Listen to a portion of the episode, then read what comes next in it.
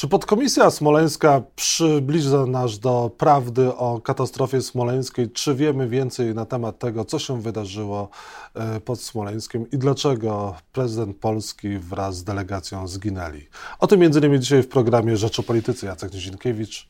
Zapraszam. A Państwa i moim gościem jest Piotr Świerczek, e, reporter dziennikarz TVN24, czarno na białym. Dzień dobry. Dzień dobry, witam Państwa. W e, materiale Siła Kłamstwa pokazałeś, że podkomisja smoleńska chyba nie do końca doprowadziła do prawdy i przedstawiła Polakom informacje na temat y, przyczyn katastrofy smoleńskiej. Jak to było w rzeczywistości? Użyłeś takiego sformułowania chyba nie do końca. Ja jestem bardziej dosadny. Podkomisja na pewno nie, przy, nie przybliżyła Polaków do wyjaśnienia tej katastrofy, a mam wrażenie, że robi wszystko, by ten obraz, dość czytelny jak się okazuje, E, zaburzyć, zamęcić e, i w zasadzie mam e, takie przekonanie po wielu latach pracy nad materiałami, które dostarcza podkomisja, że bardziej pracuje ona na zlecenie polityczne niż na rzecz rzeczywiście wyjaśnienia tego wypadku. Siła kłamstwa to długi materiał, bo aż 77-minutowy, ale nie dało się w krótszym czasie wyjaśnić tego, w jaki sposób podkomisja omija, wydaje się, kluczowe E, materiały, które sama zamówiła, otrzymała je, a te materiały, i o tym przypomnę, e, na pewno nie wskazują na bombę czy też eksplozję w samolocie e, za pomocą ładunku wybuchowego, a pokazują, że w Smoleńsku wydarzyła się zwykła katastrofa. I to nie jest zdanie dziennikarza TVN-u, człowieka, który się zajmuje co prawda tą katastrofą wiele lat, ale to jest opinia międzynarodowych ekspertów. Z jednej strony. Opinia, którą podkomisja sama zamówiła. Tak. I zapłaciła za nią 8 milionów złotych. E, zresztą tutaj zaznaczmy taka ciekawostka, bo w sobotę mieliśmy do czynienia z premierą e, nowego filmu podkomisji smoleńskiej. Co ciekawe, jest to organ publiczny, a e, film zamieścił w jednej z niszowych telewizji. Nie pochwalił się nim na konferencji prasowej. Zapewne Antoni Macierewicz chciał uniknąć niewygodnych pytań. Natomiast ważne jest to, że, e, bo o tych badaniach rozmawialiśmy, że te badania za 8 milionów złotych e, amerykańskiego Instytutu NIAR przy Uniwersytecie w Wichita wyraźnie na przykład pokazały, że ta słynna brzoza, od której wszystko się zaczęło, rzeczywiście mogła złamać skrzydło, na pewno doprowadziła do uszkodzenia, do przełamania dwóch z trzech dźwigarów. Na resztę to zrobiła już zwyczajnie aerodynamika, po prostu przewróciła ten samolot na plecy, a potem on, zahaczając o kolejne przeszkody e, terenowe i pofałdowany e, grunt, e, po prostu się rozleciał. Pasażerowie zginęli po 300 milisekundach, jak napisał amerykański instytut, i to wszystko było zawarte w takim dosyć dużym, ponad 200-stronicowym podsumowaniu prac Instytutu NIAR, ale z tych e, konkluzji Antoni Macierewicz nie skorzystał. Co więcej. Dlaczego? Dlaczego nie skorzystał? Bo nie pasowały do jego tezy i do jego narracji. Wolał wybrać to, co mu pasowało. A to, co Amerykanie uznali za kluczowe, zostało zwyczajnie e, pominięte. Zresztą to jest e, najciekawsze, bo przecież my zdecydowaliśmy się w zeszłym tygodniu opublikować ten raport, który to raport miał, powinien opublikować Antoni Macierewicz. Ja tylko przypomnę jego własne słowa. Nie ma czegoś takiego jak raport NIAR. Więc wydaje mi się, że w zeszłym tygodniu pokazaliśmy, że jednak jest. Zwyczaj, Antoni Macierewicz zwyczajnie kłamie. No ale Antoni Macierewicz mówi, że gdzieś tam w przypisach są informacje na, ten, na temat tego raportu. Tobie zarzuca kłamstwo, zarzuca stacji TVN również kłamstwo i to, i to, że to jednak wy y, używacie siły kłamstwa. Również y, sam Sławomir Cęckiewicz y, zarzuca wam tak. manipulację. Ja się uśmiecham dlatego, bo Antoni Macierewicz robi to, co potrafi najlepiej, czyli miesza. Osoba, która będzie chciała się zorientować, z łatwością wychwyci to, że w załączniku numer 23 raportu podkomisji, podkreślam, raportu podkomisji, jest rzeczywiście dużo słów NIAR, są nasze grafiki NIAR-u i e, wszystkie inne materiały, które zawarte były zaledwie tylko w jednym aneksie Instytutu NIAR. Natomiast nie ma tam tego, co my pokazaliśmy w materiale, e, czyli właśnie chociażby tego, w jaki sposób skrzydło zderza się z brzozą, co się może wydarzyć z samolotem, w jaki sposób też samolot rozpada się po, uderzenie, po uderzeniu w ziemię i że te wszystkie uszkodzenia, rozerwania kadłuba mogą nastąpić w wyniku zwykłego uderzenia, a nie w wyniku eksplozji bomby. I o tym Niar wyraźnie pisze. Więc Antoni Macierewicz liczy po prostu na to, że nikt nie zapozna się z tymi materiałami że w tych tysiącu stron różnych ekspertyz, opinii, które Antoni Macierewicz w niezbyt czytelny sposób zamieścił na stronie internetowej podkomisji, zwykły y, widz, y, osoba zainteresowana tą katastrofą, się zwyczajnie nie połapie. I tak naprawdę na tym bazuje Antoni Macierewicz. No a do kogo wy dotarliście, jeżeli chodzi o rozmówców? Sama podkomisja smoleńska jest dosyć szczelna, jeżeli chodzi o informacje. Również wspomniany Sławomir Cęckiewicz nie chciał z wami rozmawiać. Znaczy, to mówisz o dwóch różnych tematach. To może najpierw o katastrofie smoleńskiej, bo ten wątek powinniśmy skończyć. Ja dotarłem do osób, które e, były e, w, e, członkami podkomisji i przez wiele lat dla niej, na, na jej rzecz pracowały. Dotarłem też do głównego pirotechnika podkomisji, i te wszystkie osoby nie zgadzają się z ustaleniami podkomisji. Jeszcze raz to powtórzmy. Główny pirotechnik podkomisji, to jego opinie powinny być jednoznaczne, jeśli chodzi o to, czy w Smoleńsku eksplodował ładunek wybuchowy, a tenże pirotechnik się absolutnie z wynikami e, badań podkomisji nie zgadza. Więc to nie tylko dokumenty o tym świadczą, nie tylko nieoficjalne informacje, nie tylko zdjęcia, bo wiele innych rzeczy, rzeczy w tym materiale zawarliśmy, ale też ludzie, którzy zgodzili się na to, żeby wystąpić cudzysłowie z twarzą, tak, pod nazwiskiem, mówić o tym wprost. Zresztą my mamy wiedzę o znacznie większej ilości dokumentów, które Antoni Macierewicz w tej sprawie e, ukrył. I wydaje mi się, że ten temat e, katastrofy smoleńskiej, e, choć Antoni Macierewicz próbuje nim politycznie grać, jest dosyć czytelny. Ja też nie będę odpuszczał i zakładam, że jeszcze ten, tym, tym tematem się zajmę, zwłaszcza jak będzie szansa na upublicznienie kolejnych E, dokumentów. No właśnie, a druga, druga sprawa, historia agenta, drugi twój reportaż. Nie wszyscy chcieli się do tego materiału wypowiadać, chociażby e, sugerując, że ty możesz tutaj manipulować lub kłamać. Tak, to taki nowy trend. Jesteś dziennikarzem, doskonale wiesz o co chodzi. Jak dziennikarze dokopią się do czegoś ważnego, co wszystkim akurat e, szkodzi, nie pasuje, to co najlepiej powiedzieć? Kłamstwo i manipulacje. Albo dziennikarz coś zrobił, zmanipulował, pójdę z nim do sądu. Oczywiście najczęściej to nie następuje.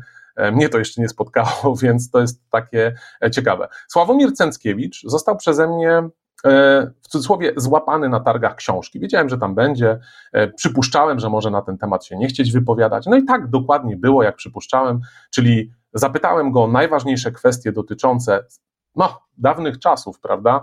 E, bo to przecież 2006 rok, działalność Komisji Likwidacyjnej i Weryfikacyjnej, likwidacyjnej WSI, nią kierował właśnie Sławomir Cęckiewicz, czyli też weryfikacyjnej E, przy likwidacji wojskowych służb informacyjnych.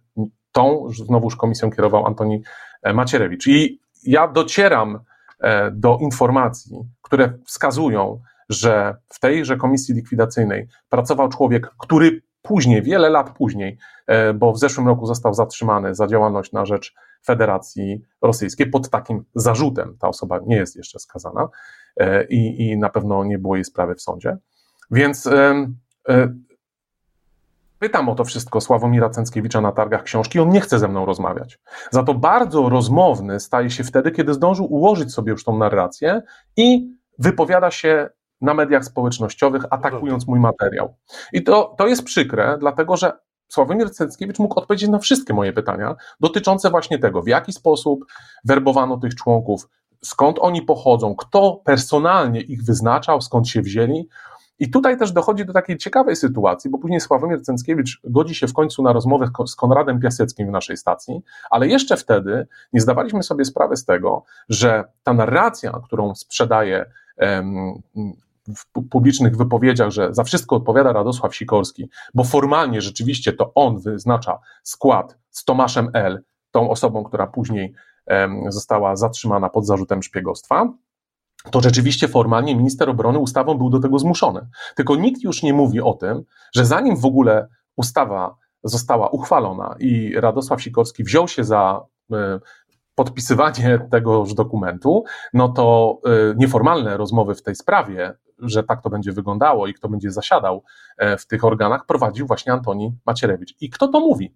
Mówi to sam Sławomir Cęckiewicz w jednym z wywiadów dla bodajże dziennika i tam wyraźnie wskazuje na to, że mailowo, zanim w ogóle komisje powstały, Antoni Macierewicz zaprosił go na, na rozmowę i już mu wtedy mówił, że być może on zostanie tym przewodniczącym komisji likwidacyjnej. Jeszcze było daleko do podpisu Radosława Sikorskiego.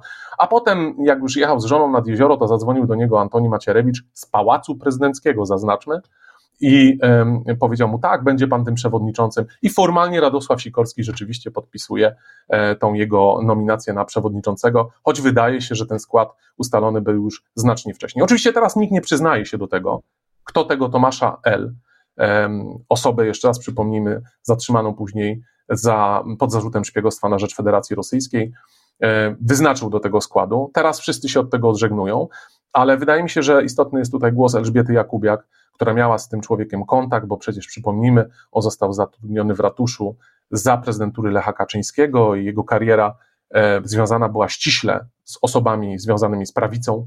E, I ona to mówi. Tak, to był człowiek związany, z nas, to był człowiek z naszych kręgów, z nami związany i, i tak też potoczyła się jego kariera. Ona jedyna stanęła, e, mówiąc kolokwialnie, w prawdzie.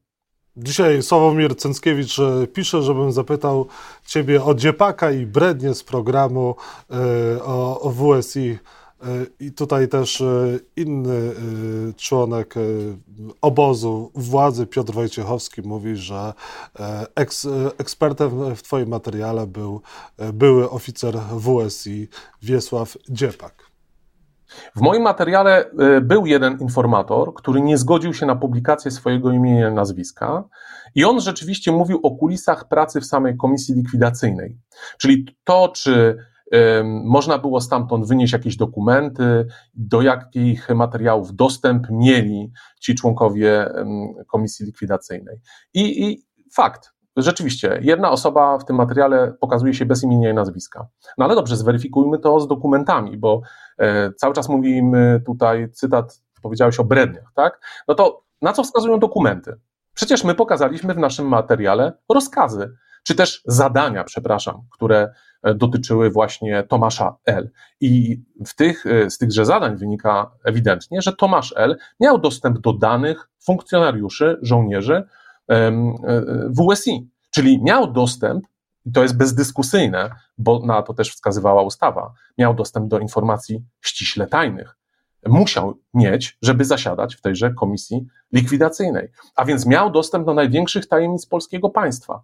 I to jest też bezdyskusyjne.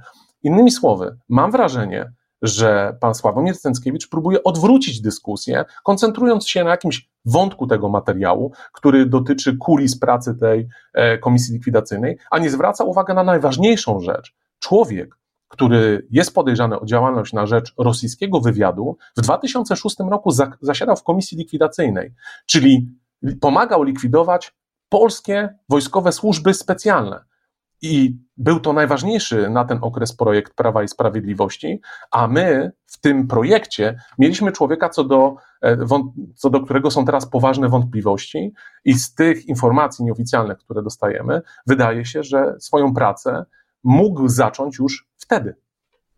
Jak się dzisiaj okazuje, też inna osoba była w komisji likwidacyjnej WSI, która jest e, dzisiaj no, bardzo, bardzo wątpliwie działa, chyba wspierając Rosję. Mowa o panu Leszku Sykulskim.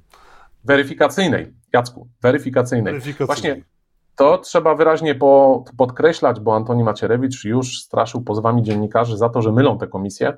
Więc e, tak, tak, pan Sykulski działał w komisji weryfikacyjnej, e, której przewodniczył Antoni Macierewicz. Pozdrawiamy Antoniego Macierewicza i powiedz na koniec, czy ty masz jakieś pozwy za swoje materiały, czy Antoni Macierewicz i ciebie lub stację pozwał? Nie. Sławomir Sęckiewicz? Nie. Ktokolwiek? Nie.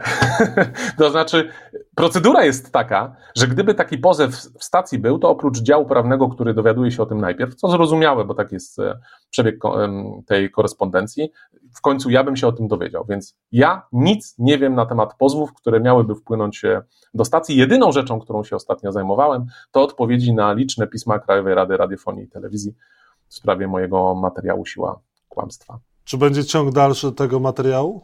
Pracujesz nad kolejnymi? Będę robił wszystko, by dotrzeć do większej ilości opinii. Nie wiem, czy uda mi się wszystko upublicznić, e, ale nie mam wątpliwości co do tego, że Antoni Macierewicz e, schował kluczowe dowody jako badacz katastrof, no bo taką funkcję formalnie teraz pełni, będąc przewodniczącym podkomisji, powinien zgodnie z prawem opublikować wszystkie dostępne materiały, a tego nie robi. Akurat te, które schował, dowodzą tego, że w Smoleńsku wydarzyła się zwykła katastrofa.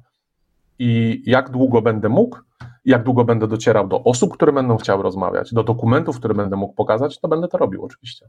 Antoniego Macierewicza i członków podkomisji smoleńskiej zachęcam do tego, żeby rozmawiali z Piotrem Świerczkiem. Mogą wszystkiemu oczywiście zaprzeczyć i przedstawić swoją wersję wydarzeń, jak również pana Sławomira Cęckiewicza w innym materiale. Również zachęcam, żeby udzielił swoich wypowiedzi, skoro udziela się wszędzie indziej. Piotr Świerczek, e, dziennikarz, reporter TVN24, czarno na białe był państwa i moim gościem.